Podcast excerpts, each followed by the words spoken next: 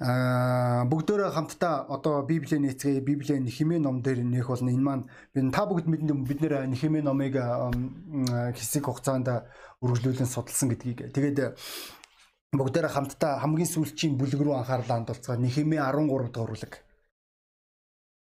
Нехемийн 13 дугаар бүлэг. Тэгээ үүнийг ярихаас өмнө нин тэргуунд нэг зүйлийг та бүгд өөрөөсөө өөртөөсөө асуухгүй юу?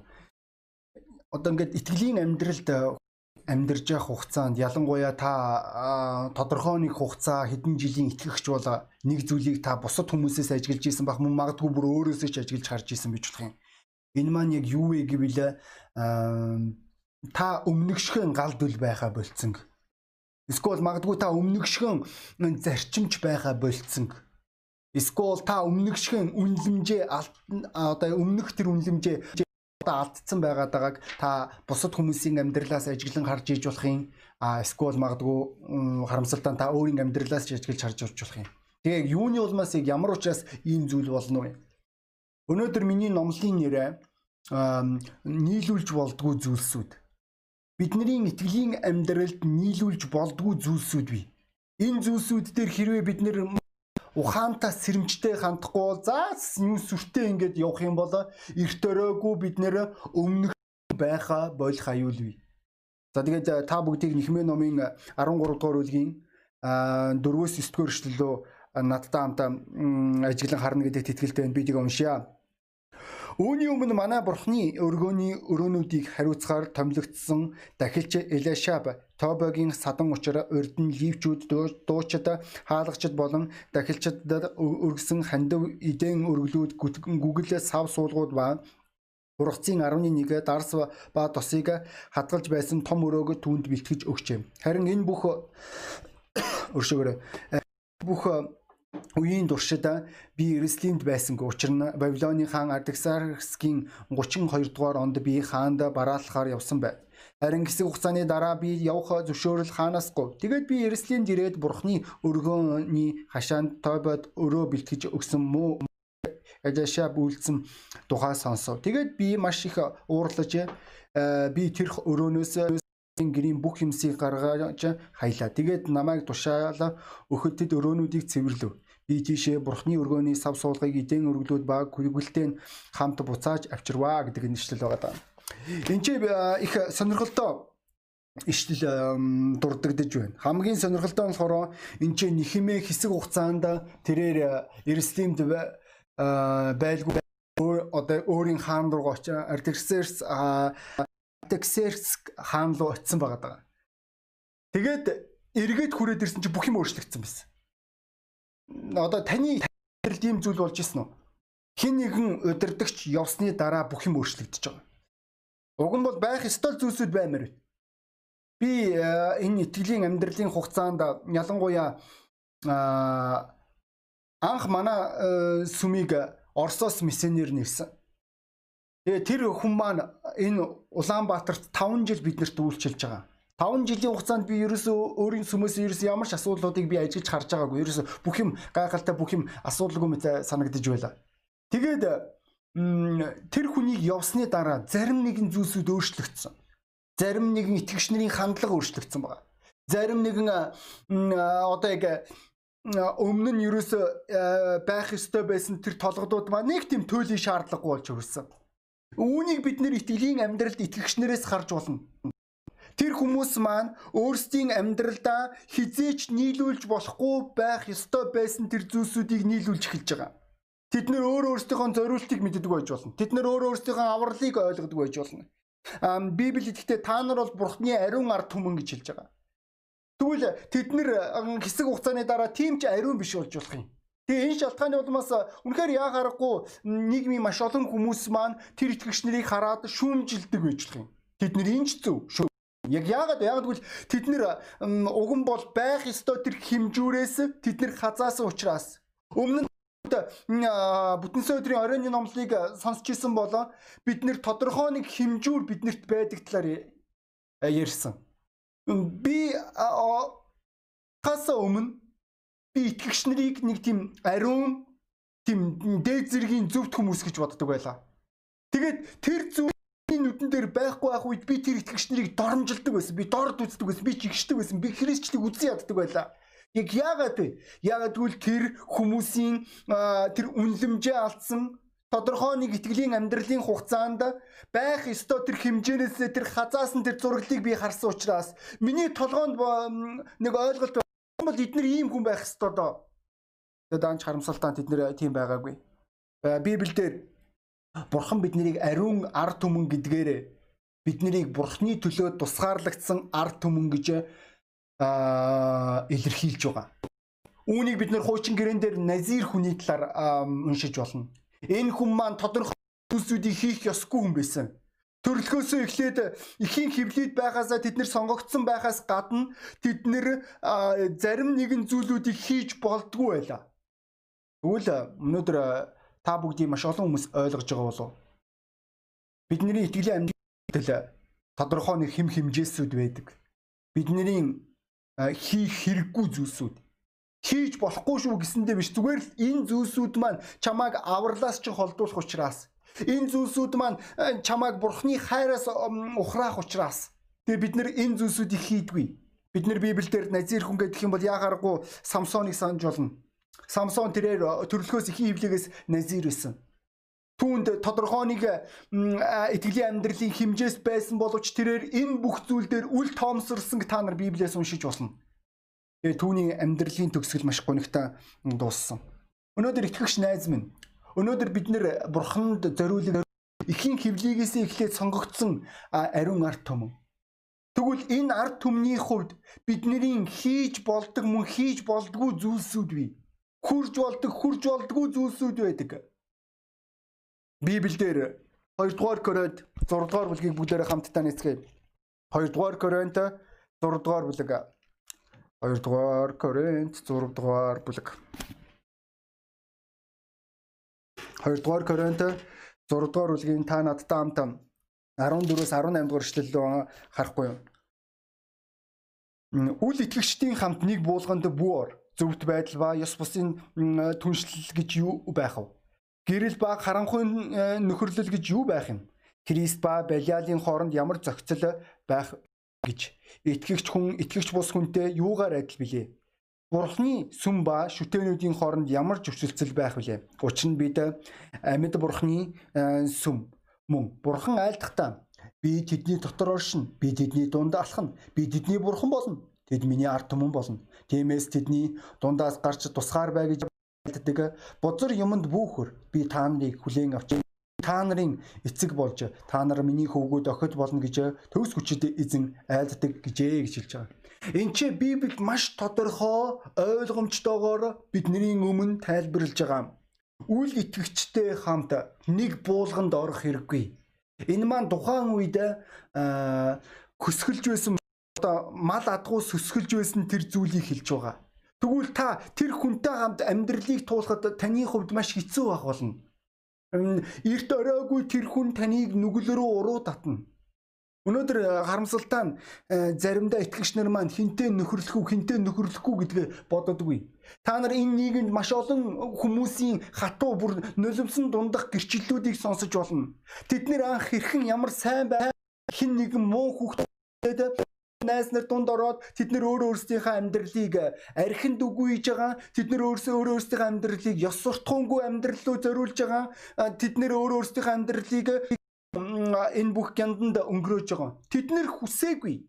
Тэднэрт нэгэн цагт сонголт байсан. Гэхдээ тэд нэр хамаагүй хандсан баг. Хинэггүй хандсан. Тэд нэр бодохдоо за юу л болов гэж. Би өөр ингэсэн ухаантай хүн. Хин ч өнөөдөр өөрөө өөрийгөө тэнэг хүн гэдэггүй Тэгвэл тэр хүмүүс маань надтай ямар ч асуудал болохгүй яавал гэжтэй гэдэг энэ үзлээсээ болоод тэд нэр амьдралдаа хэнийг нь бүр харамсгаар зүйл рүү очисон байгаа. Өнөөдөр тэгвэл чиний талаар юу ярих вэ? Чи өнөөдөр хинтээ нөхрөлдөг вэ? Чи өнөөдөр өөрийн амьдралдаа юуг зөвшөөрдөг вэ? Өмнө нь нэгэн цагт чиний хувьд хизээч байж болшгүй байсан тэр зүйл өнөөдөр магадгүй чиний герт амьдарч иж болох юм чиний герт байгаа. Чи үүнийг зүгээр биш асуудал биш аятаа бодож эхэлж байгаа. Өнөөдөр юу хийж болох вэ найз минь? Чи бодож үзэхгүй юу? Бид нэр Библиэлд Эфесийн загтал дээр дараах үгсийг уншиж болно. Эзэн элхтээ иймд тэдний хамсаатан бүү бай. Урд нь харан урд нь харанхуй байсан та нар өдгөө эзэн дотор гэрэл тулам гэрлийн хөвгүүдийн ёсоор яваа. Бүх сайн зөвхт байдал ба үнэнд гэрлийн үр жимс байна. Ингэхдээ эзэнт таалагдах юмыг ол харанхуйн үр жимсгүй ажлууд бүү оролц. Харин ч тэдгэлжлээ гэж хэлж байгаа. Энд чи Библи бидний өмнө маш тодорхой хэлэхтэй Та нар анх харанхуу дунд амьдардаг байсан. Та нар маш олон зүйлсүүдийг өөрийн мэдлэггүй улмаас хийж исэн. Та нар мэдлэггүй улмаас бурхныг дормжилж исэн. Яг л Паул шиг та нар мэдлэггүй улмаас өөрөө өөрсдийнхөө амьдралд эрт өрөөгүй сүрэл рүү аваачих тэр нүглүүдийг зөвшөөржүүлээ. Тэгвэл одоо та нар бурхан дотор аврагдсан. Та нар бурхны хүүхдүүд, та нар гэрлийн хүүгүүд. Тэгвэл гэрэл дотор амьдарч харанхуйн бузар үйлсийг амьдрах энэ маань бидний ахан дүүсээ бидний дуудлага бид нэр нүгэл ба нүгэлт хүмүүс тунд нөхөрлөх хэрэггүй болов. Бид нэр хэрвээ Библиэлд Израилийн ард түмнийг харах юм бол Израилийн ард түмэнд бурхан тусгаалan тэрээр тушаал өгсөн. Энэ тушаал маань маш энгийн байлаа. Тэд нэр амлагдсан газар руугаа хурж ирэх үедээ тэд нэр тодорхой нэг ард түмнүүдтэй нөхөрлөх ёсгүй байсан. Яг энэ ард түм одоо яг амьдралыг сүрүүлэх байсан учраас нэр энэ хүмүүсээс хол байх талаар бид нэр дид хууль дээр уншиж болно. Дид хуулийн та бүгд надтай ирэх хамт 7 дугаар бүлэг дээр харж болох юм. Дид хуулийн Дид хуулийн 7 дугаар бүлэг дээр Библи хэлтэй эхний дөрвөлжлэл дээр хон чин чиний эзэмшгээр очих гэж байгаа тэр газар чамайг оруулж олон үндэстнийг буюу Гаш Амор Канаа Хиви Ибүсчүүд химээх та нараас ч олон илүү хүчтэй долоон үндэстнийг та нарын өмнөөс хөөн гаргаж эзэн бурхан чинь тэднийг чамд тушаах үед чи тэднийг цохихтун. Тэгвэл тэднийг бүр мөсөн устгах ёстой. Тэнтэй ямар ч гэрээ байгуулж болохгүй. Тэдэнд ямар ч өршөөл үзүүлж болохгүй. Чи тэдэнд тэдэнтэй бүү гэрэл охиноо ч хөвгүүд ч бүүг өг. Тэдний охиныг ч бирээн бүү болгоо. Тэрээр хүүгч нь намайг дагаа эргүүлж тэд өөр бурхтад үйлчилж мэднэ. Тэгвэл эзний уур хилэн та нарын эсрэг нь дүрлзэж та нарыг даруй устгах болно гэж хэлж байна. Энд чи Израиль өмнөд бурхан тусгаалan захирамж өгөхдөө та нар энэ долоон үндэстэн болох энэ долоон үндэстэн маань долуула тодорхой нэг утгыг илэрхийлж исэн үндэстэнгүүд эднэр бузар үндэстэнгүүд тэдний үнэхээр тэдний хийж исэн зүйлсүүд нь үнэхээр аимшигтай жигшим зүйлсүүд байлаа тэдний заримуд нь өөрсдийн хүүхдүүдийнхээ төрсөн хүүхдүүдийнхээ дахил дөрөгдөг байсан. Тэд нэр завхаарлыг дээд зэрэгээр нь хийдэг байсан. Тэгвэл энэ ард түмнээс та нар тусгаарай гэж хэлж байгаа. Энэ ард түмнүүдтэй нийлж болохгүй. Эднэрийн үүсийг гэж болохгүй. Тэднэртэй гэрэлж болохгүй бүр. Хэрвээ тэгэх юм бол тэднэр дээр бууж ирж байгааг хараад тэднэр дээр бууж ирж байгаа тэр бурхны шийдгэл та нар дээр бас мөн буух аюулгүй. Энэ шалтгааны улмаас Библи хэлж байгаа үл итгэгчтэй нэг буулганд бүү учрна та тэр шийтгэлийг та өөрийн э, амьдралд авах болно. Мөн өөр нэг зэгтэр Йошуа номон дээр Библи хэлэхдээ хэрвээ та нар э, тэр ард түмэнтэй нийлэх юм бол энэ маань та нарын хувьд дэгэ болно шүү гэж хэлж байгаа.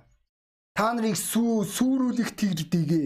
Тэгвэл бүгдөө бидний үндсэн ишлэл рүү анхаарлаа хандуулцгаая.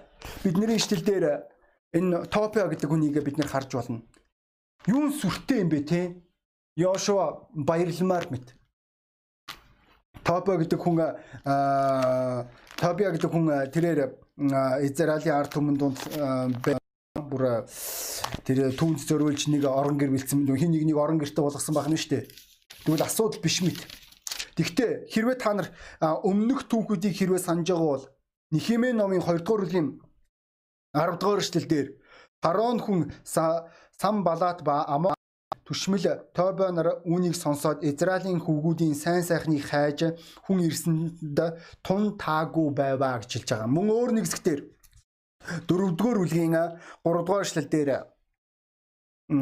Амон хүн Тобо түүний ойролцоо байсан бөгөөд тэр босож тэд тэр босгож байгаа юмных нь дээгүр хэрв үнэг хараавал тэдний чулуун хэрмийг нураач гэж хэлж байгаа. Мөн 7-оос 8 дугаар эшлэлдэр Иерусалимийн хэрмийн засвар үйлч үргэлжилж цөмөрхийн бөглөгдөж эхэлж буйг сан балата, Тоба, Арабууд, Амончууд болон Аштончууд сонсоод ихэд уурлаа. Тэд бүгд Иерусалимийн эсрэг байлтахаараа ирж тэнд үүмэн гаргахаар хамтдаа хувилдлаа гэж хэлж байгаа. Мөн 6 дугаар бүлгийн 19 дугаар эшлэлдэр Библи хэлэхдээ Түүнээс гадна тэд э, миний э, дэргэд түүний сайн үлсийн тухай ярьж байсан ба үгсийг минь түүнд мэдээлж байв. Тэгээ Тоба намайг сүрдүүлэхээр загтлуудыг илгээвэ гэж хэлж байгаа.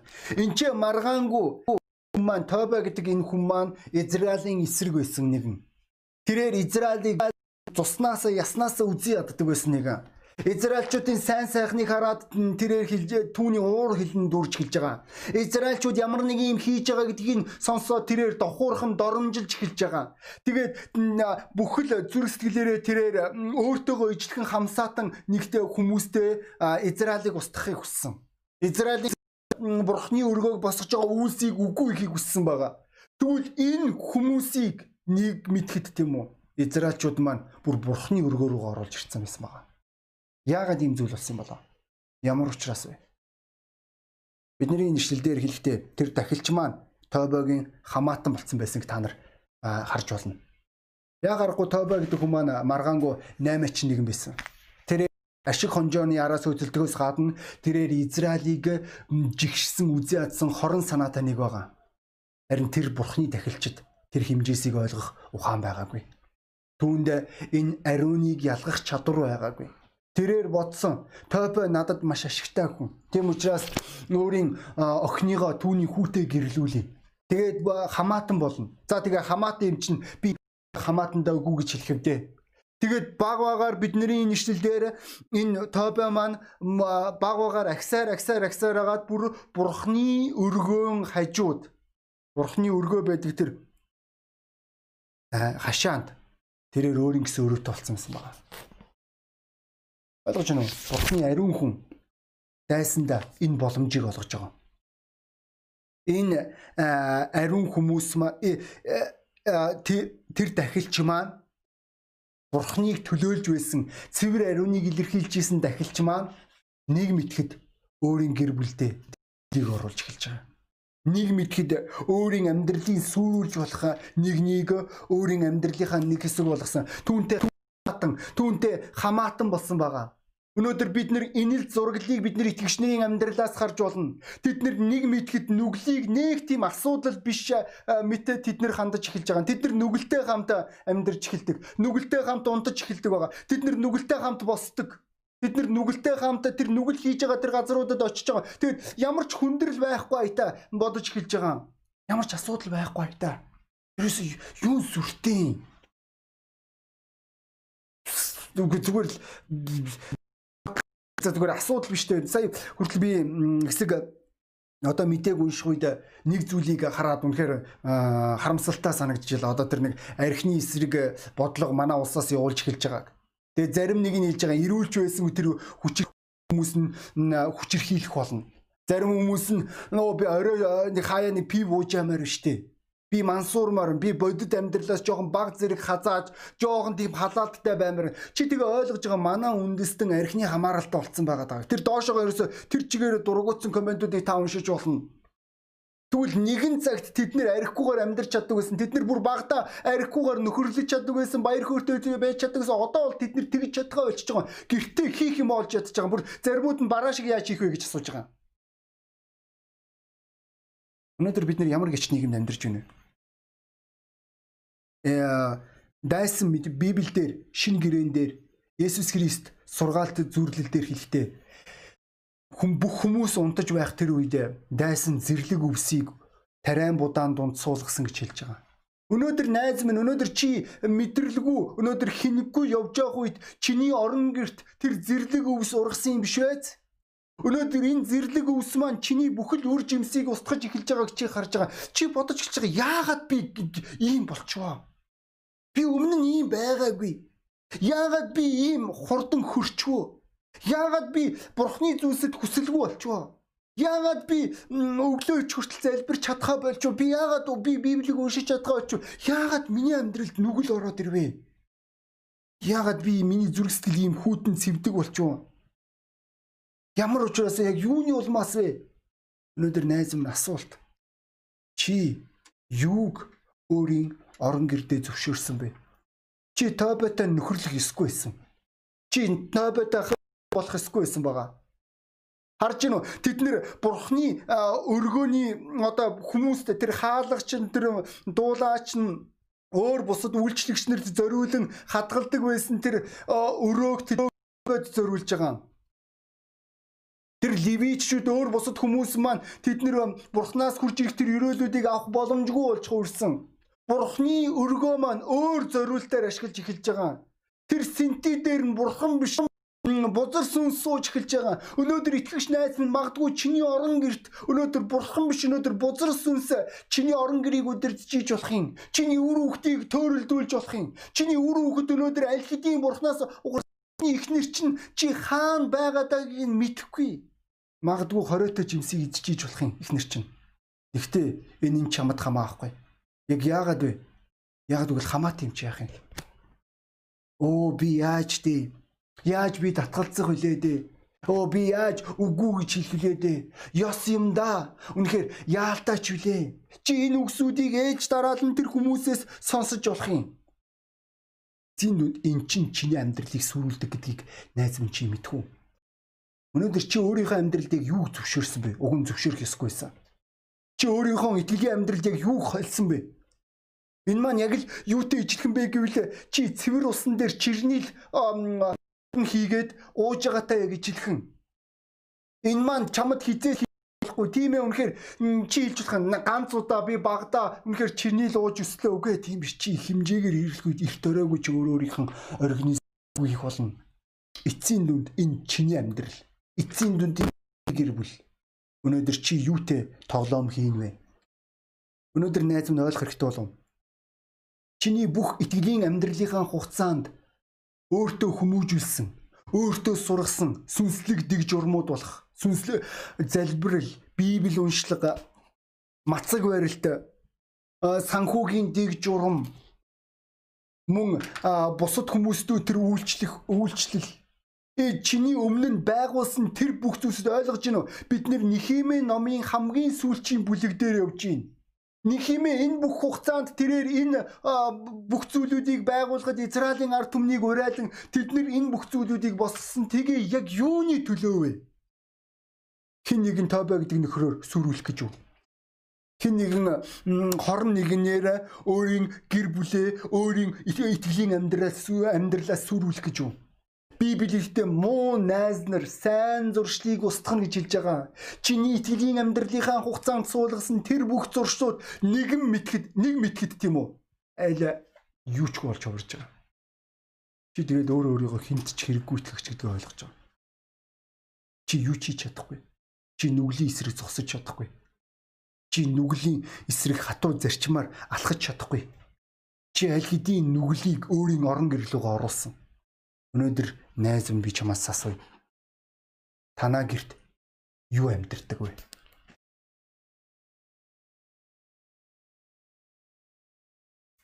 Чи аль хэдийн зорилгоос хазаасан. Галатийн загтал дээр Библи хэлэхдээ та нар маш сайн гүйжилсэн. Хийн та нарыг зогсоовоо гэж хэлж байгаа. Энэ нь юу гэсэн үг вэ? Тодорхой нэг хугацаанд та итгэлийн амьдрал дээр маш дажгүй, маш боломжийн байсан боловч та баагаар өөрийн итгэлийн амьдрал зөвшөөрөх эсгүй тэр зүйлсүүдээ зөвшөөрч хийх эсгүй тэр зүйлсүүдээ хийсний улмаас нийгэмэтгэд та бүр өөрийн авралаа алдчихж болох юм. Таны зорилго өөрчлөгдсөн. Таны итгэлийн амьдралын зорилго өөрчлөгдсөн. Уг нь бол та бурханд зориулагдсан аврагдсан бурхны төлөө байсан одоо тэгвэл та ертөнцийн төлөө амьдарч эхэлж байгаа. Та ертөнцийн эд баяны амьдарч эхэлж байгаа. Та өөрөө өөрийнхөө төлөө амьдарч эхэлж байгаа. Өмнө нь та бусдын төлөө амьдардаг байсан. Бид нэр Библиэлд хамгийн гайхалтай жишээг Есүс Христ залбирлын өргөөлөв хурж ирсэн тэр түүхээр харж болно. Тэр өргөө маань нэгэн цагт залбирлын өргөө байсан боловч эзэн Есүс Христ хэлэхдээ та нар худалдаачны, наймаачны, ганцгийн наймаачдын газар болгож хувиргалаа гэж хэлж байгаа. Тэд нэр тэр сүм дотор наймаа хийж байгаа янз бүрийн дагтаа зарж байгаа янз бүрийн мөнгө зоосуудыг жижиглэнгийн тэр мөнгөн гуйлгын тэр газрууд байсан. Тэгэд энэ болгон маань нэгэн цагт байгаагүй штэ. Тэд нэр сүмээс гадна байсан зүйл. Тэр хол байсан. Гэхдээ баагаар ойрцоор ойрцоор ойрцоор ойрцоор дотор нороод бүр татгш орж байгаа. Тэгээ бүр тэнцээ байсан израилчууд маань энэ нь тийм л байх ёстой юм шиг бодож эхэлж байгаа. Тэд нэр дасаж эхэлсэн энэ бүх зүйлдээ. Тэгээд эзэн Есүс Христ дургуутсаж байгаа. Өнөөдөр найз минь чиний амьдралыг хэрвээ харах юм бол Есүс яг юу гэж хэлвэ? Есүс чиний амьдралаас юуг олж харах вэ? Чи хизээч зөвшөөрөх ёсгүйсэн. Даанч харамсалтай. Чи энэ зүйлүүдийг өөрийн амьдралдаа зөвшөөрсөн байна. За тэгээ эцэст нь өнөөдөр гарах арга замын талаар ярмаар байна. Яг яавал энэ бүх зүйл бидний амьдралд байж болохгүй? Бидний нэшлээс хэрвээ харах юм бол одоо яг хэрвээ магадгүй үнэхээр та яагаад байж болохгүй вэ гэж хэлж байгаа бол магадгүй та аль хэдийн те өөрийн орон гэртээ тообыг амьдруулад эхэлсэн байж болох юм. Магадгүй та амьдруулах гэж байгаа байгаа хүмүүсийн хувьд энэ сэрэмжлүүлэг болох болно. Амьдруулсан нэгний хувьд энэ маань гарах арга зам болох болов. Нэгдүгээр бидний нэршлэлээр хэлэхдээ а нэхимээ бурхны өргөөг цэвэрлсэн гэж хэлж байгаа. Өрөөнүүдийг ариусгасан. Ойлгохгүй бүхэл зүйл тэд нэр одоо цэвэрлсэн байгаа бурхны өргөөг. Өнөөдөр итгэгч найз минь энэ маань гимшлийн зураглал. Өөрийн зүрх сэтгэлээ цэвэрлэх Христийн цусаар найз минь Энэ зүйлийг зайлшгүй хэрэгтэй. Чи бүр мөсөн өөрийн энэ итгэлийн амьдралаасаа тэр олиггүй бүхэл зүйлсүүдийг авч хаях хэрэгтэй. Энэ маань чиний зүгээс асар ширүүн шийдэмгий алхам байх зайлшгүй шаардлагатай. Энэ нь чиний хариуцлага найз минь.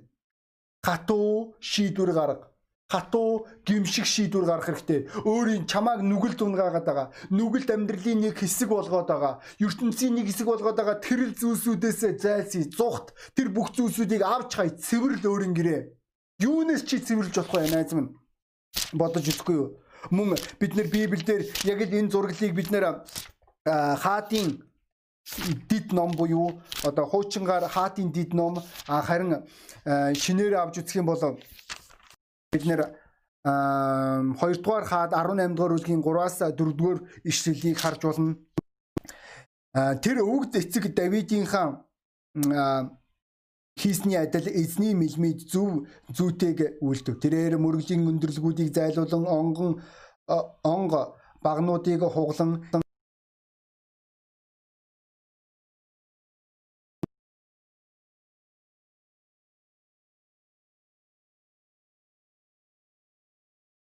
байсан тэр тул тэрхүү зис могоог тэрээр сэглэж хаяваа гэж энэ ч хэлж байгаа. Энд чи хизикэ гэдэг хаан гарч ирээд тэрээр бүх бурхны бүхэл зүйлсүүдийг цэвэрлж хэлж байгаа.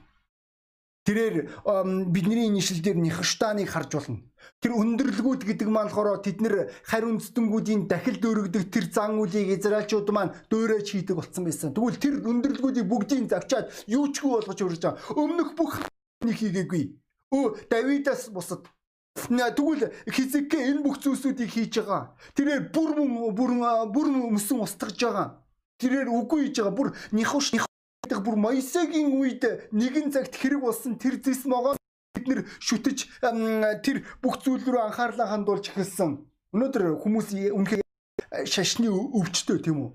Яаж иж байгаа ямар нэгэн сахиус ямар нэгэн шүтээний бүрдүүл гэж тэгвэл хизикээ бүх зүйлийг устгаад цорын ганц бурханд итгэх тэр итгэлийг тэр ард түмэнд эргүүлэн авчирсан.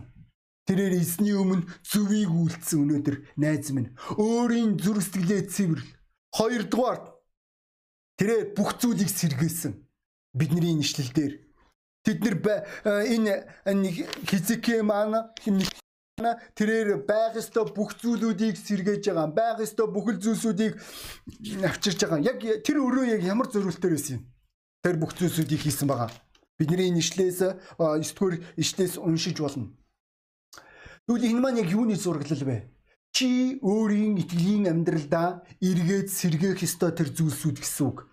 Чи магадгүй өөрийн залбирлаа сэргээж болох юм. Чи өөрийн Библи уншлагаа сэргээж болно. Мацаг барилт, цуглаанд хандах тэр хандлага, бусад хүмүүст үйлчлэх үйлчлэл, бусад хүмүүс лөө одоо холбоо барих, бусад хүмүүсийн төлөө санаа тавих, мөн итгэлийн амьдралын зарчмуудаа чи дахин эргээд сэргээж чи бурхны оршихуйг чи өөрийн орон гертэ бүрдүүлж болохын найз минь. Энэ маань чухал болов Иесус Христ хэлэхдээ миний миний гэр эзний залбирлын өргөө гэж нэрлэгдэх болно. Өнөөдөр итгэгч найз минь энэ карантины үеэр гайхалтай залбирлын өргөн боломж бий найз минь чамд. Мөн гурав дахь хамгийн чухал зүйл маань бид нэр хэрвээ энэ ишлийг хэрвээ санд нэхмийг явсны дараа энэ зүйлсүүд болсон байгаа. Энэ гонигтай хин нэгэн алсын харааг хадгалж чадаагүй байгаа тэр зураглал байгаа. Өнөөдөр энэ шалтгаанаар сүмд шавьчлал маш чухал байдаг. Өөрийн пастортойгоо ижилхэн алсын хараатай байх. Өөрийн пастортойгоо ижилхэн итгэлийн зарчимтай байх. Өөрийн пастортойгоо ижилхэн итгэлийн алхмуудыг их энэ маань маш чухал байдаг байгаа. Өнөөдөр сүмүүдэд пастор гэдэг маань зүгээр нэг номлодог хүн биш. Тэр хүн хончин байх ёстой. Тэр хүн өөр тэр өөрийн хүмүүс рүүгээ дамжуулах хэрэгтэй тэр хүмүүсийн нэг. Тэгвэл өнөөдөр энэ итгэлийн зарчмыг өөрийн пастор чинь хаанагтай газар очисон ч гэсэн бүрийн карантины үеэр пастортай таны хажууд байхгүй байх энэ үед өөрийн итгэл дээрээ зогсож байх маш туйлын чухал байгаа. Өнөөдөр найз нь ойлго энэ карантины үеэр жинхэнэ таны итгэл харагдана. Та ямар гэж итгэх чинь? Та үнэхээр яг тэр итгэлийн зарчмуудыг барьж байгаа юу? Та үнэхээр тэр итгэлийн амьдралаар амьдарч байгаа юу? Өнөөдөр энэ шалтгаанаар ахан дүүсээ биднэрт шавьчил хэрэгтэй. Нэхмэд тийм хүн хэрэгтэй байсан байгаа. Түүнтэй ижилхэн алсын хараатай, түүнтэй ижилхэн зоригтой, түүнтэй ижилхэн хүсэлтэй нэг хэрэгтэйсэн харамсалтай тэр дунд байгаагүй. Тэгвэл өнөөдөр манай сүмүүдэд энэ хүмүүс бий юу? Манай сүмүүдэд пастортойгоо ижилхэн алсын хараатай байх. Пастортойгоо ижилхэн зоригтой байх тэр хүмүүс бий юу? Хэр их олон хүмүүс босох вэ? Хэр их олон хүмүүс өөрийн итгэлийн амьдралдаа амьдралдаа энэ өрөө шийдвэр гаргах вэ? Тийм ээ. Би нэг зориг, нэг алсын хараа Христ дотор амьдрмаар байна. Би итгэмжтэй болмоор байна. Тэрнээс бол олиггүй болш. Эзэн явангууд зангаа хувиргадаг нэг юм биш. Тэр ч байсан хинэнч нэхимээтэй ижилхэн зүрстгэлтэй байхыг хүсээгүй. Асуудал энэ байгаа. Хэрвээ энэ байхгүй бол эргээл итгэгч найз эргээл таны амьдралд тойбо хурж ирэх болно. Эргээл таны амьдралд одоо өмнө нь таны саяхан цэвэрлэх шийдвэр гаргасан, таны саяхан эргэж босох зайлсах арилгах тэр шийдвэр гаргасан тэр зүйлүүд мань эргээ таны итгэлийн амьдралд хурж ирэх болно.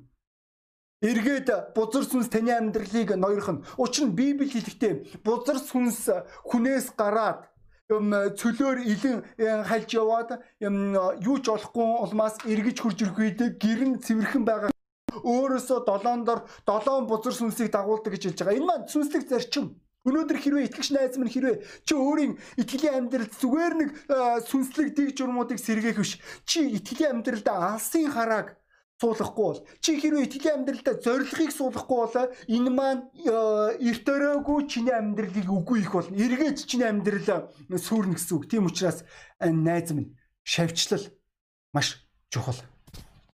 Өнөөдөр өөрийн пастортойгоо ажиллах алсын хараатай байх.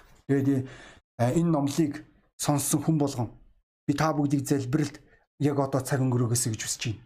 Хэн нэгэн шийдвэр гаргах хэрэгтэй. Хэн нэгэн залбирах хэрэгтэй бол Та үүнийг хийхгүй юу? Тэгэхээр магадгүй та энэ номлыг анх удаа сонсч иж болох юм. Та мэдэж байгаа. Та нүгэлтэй гэдгээ. Таны амьдралд юу ч болсон байж болох юм. Гэхдээ би танд нэг зүйлийг хэлмээр. Нүгэл хүмүүсийн амьдралыг сүрүүлдэг. Бидний амьдралыг үзэн яддаг. Бидний амьдралд хамгийн муу хүсдэг нэгэн бий. Түүнийг Библи хэлэхдээ сатан гэж хэлж байгаа. Тэрээр хуурам мэхлэгч Тэрээр танд зүм мэд санагдж байгаа. Тэгтээ эцэст нь үхэл рүү хүргэх, таны амьдралыг сүрүүлэх тэрэл замлуу таныг удирдан авч явж байгаа. Магадгүй та үүний үр дагаврыг амссан. Та өөрийн энэ амьдралдаа энэ сүрлийг амссан байж болох юм. Та ойлгож байгаа миний юу ярьж байгааг. Хэн нэгэн өнөөдөр архинаас олж гээ амьдралаа сүрүүлсэн, гэр бүлээ сүрүүлсэн. хардалтаа хардалтаас болж атаархлаас болж хувь зангаас болж уур хилэнгээс болж энэ олиггүй зүйлсүүд мань завхаарлаас болж та ойлгож байгаа энэ олиггүй нүглүүд таны амьдралыг эзэлснээр таны амьдралыг сүрүүлж байгаа. Та өдрөөс өдөрт улам муудаад байгааг та мэднэ. Танд үнэхээр найдвар байхгүй мэт санагдаж эхэлж байгаа. Өглөө өнөөдөр найз минь би чамд хэлмээр. Найдвар би. Бурхан дотор. Учир нь Библи ихтэй Бурхан үнэхээр энэ ертөнцийг хайрласан учраас тэрээр өөрийн цорын ганц хүүгээ бидний нүглийн төлөө өгсөн гэж хэлж байгаа. Энэ маань маш чухал байгаа. Өнөөдөр Есүс Христ таны нүглийн төлөөсийн төлөө таныг нүглээс эрх чөлөөтэй байгаасаа гэж таныг бурхан дотор уучлагдаасаа гэж бурхантай эвлэрээсэ гэж Есүс Христ сайн дураараа загалмаа дээр цовдлогдсон. Бидний хараалыг өөр дээрээ өргөн. Түүний ачаар, түүний дахин амьлалтын ачаар өнөөдөр хүн болгон нүглээсээ чөлөөлөгдөх бурхнаар уучлагдах, бурхантай эвлэрэх, бурхны тусламжийг өөрийн амьдралдаа авах боломжтой. Өнөөдөр та энэ газар байгаад та үүнийг хүсэж байгаа бол та надтай энэ энгийн залбирлыг дагаад хэлэхгүй юу? Та чин сэтгэлээсээ залбираарай. Та дагаад хэлэхгүй юу?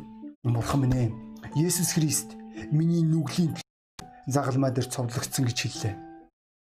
Би үүнд итгэх шийдвэр гаргаж байна. Би таны өмнө нүгэлтэн. Та миний нүглийг уучлаач Та миний амьдралд орооч. Таныг таньж мэдэх боломжийг та надад олгооч. Та миний нүглийг уучлж байгаад баярлаа.